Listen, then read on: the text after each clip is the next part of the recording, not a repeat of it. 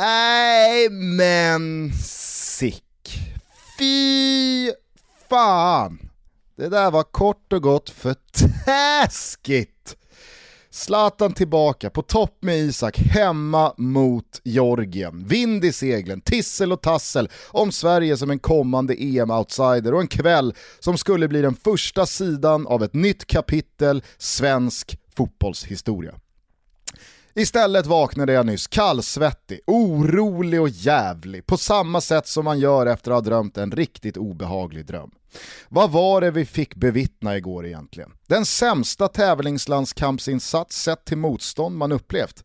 Ja, i detta nu har i alla fall jag ganska svårt att slå ner den etiketten. Och då ska vi komma ihåg att vi faktiskt vann. Ingenting fungerade, och då menar jag verkligen ingenting. Mittbackarna konstaterade att det överbefolkade mittfältet fick innebära sidledspassningar ut till ytterbackar som inte fick ordning på vare sig fötter eller boll. Så när uppspelen till slut började gå i vertikal riktning fastnade de antingen på georgiska motståndare eller försummades av svenska spelare som hade skruvat upp risktagandet, delikatesstörsten och nonchalansen till max. Man höll på som om man ledde med fyra bollar med kvarten kvar mot ett lag som sket i vilket. Klackskarvar, släppa bollen mellan benen, vrickningar med utsidor och stillastående överlappar. De första 35 minuterna fungerade ingenting och vi kan bara tacka Kvilitaja på topp i Georgien att julgransfoten fortfarande satt på högertassen. En kort stund av briljans mellan Zlatan och Viktor Claesson ledde fram till 1-0, men eh, det var vare sig rättvist eller talande för matchen dittills. Men jag tror inte direkt att jag var ensam om att tro att målet i alla fall skulle innebära ett större lugn och en mer förväntad matchbild därifrån.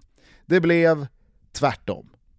För den andra halvleken var om möjligt ännu sämre än den första. Chockad. Thomas, jag var chockad chockad att Sverige efter en kvarts halvtidsvila och möjlighet till att skrika av sig, rycka upp sig och omgruppera kom ut efter paus och inte fick ihop fem passningar inom laget.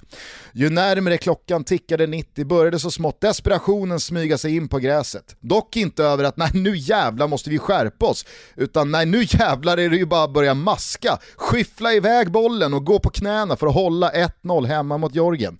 Det var hemskt att bevittna. När allt var över så var Kristoffer Nordfeldt matchhjälte då hans räddning med knappt 10 minuter kvar sannoliken var från den övre hyllan.